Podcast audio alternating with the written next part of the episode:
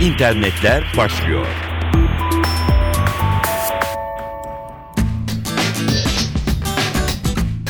Merhabalar efendim. Dijital dünyanın gelişmelerini aktaracağız. Ben Dilara Eldaş. Teknoloji markalarının kendi ekosistemini yayma çabasında akla ilk gelen isimlerden biri Apple. Kendi işletim sistemi, kendi uygulama mağazası, kendi akıllı telefonları ve bilgisayarları.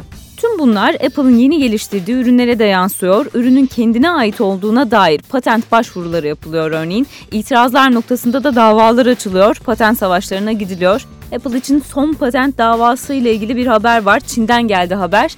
Gerekçe Apple'ın Siri adlı uygulaması.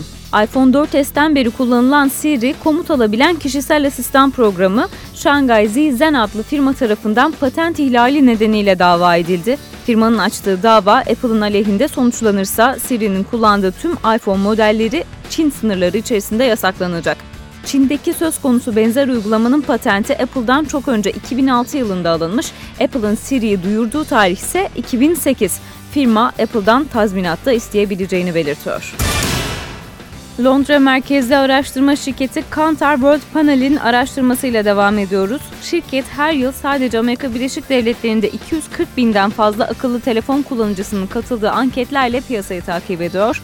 Son raporuna göre Google ve Microsoft için piyasalar tatmin edici, Apple ve BlackBerry için ise uyarıcı nitelikte. Microsoft'un sunduğu mobil işletim sistemi Windows Phone satışlarında %52 artış yakaladı. BlackBerry ise satışlarında rekor denilebilecek bir düşüşle %81'lik azalma yaşıyor. Amerika artık Android'e daha meyilli. Google'ın işletim sistemi Android, Amerika Birleşik Devletleri'ndeki akıllı telefon satışlarının %51'ini elinde tutuyor artık.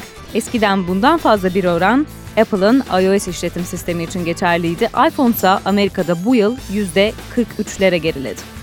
Çalışma 2012'nin son çeyreğiyle 2013'ün ilk çeyreğine ait.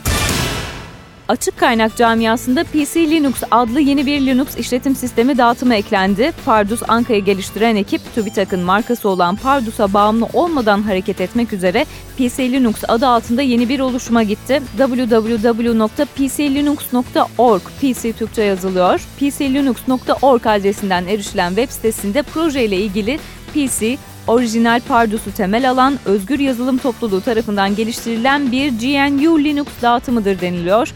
Pardus Anka projesinin de bir süre sonra Pardus adını kullanmayı bırakacağı belirtiliyor. PC Linux ile ilgili ayrıntıları bültenimizde daha sonra da paylaşacağız. Gelişmeleri aktardık. Hoşçakalın.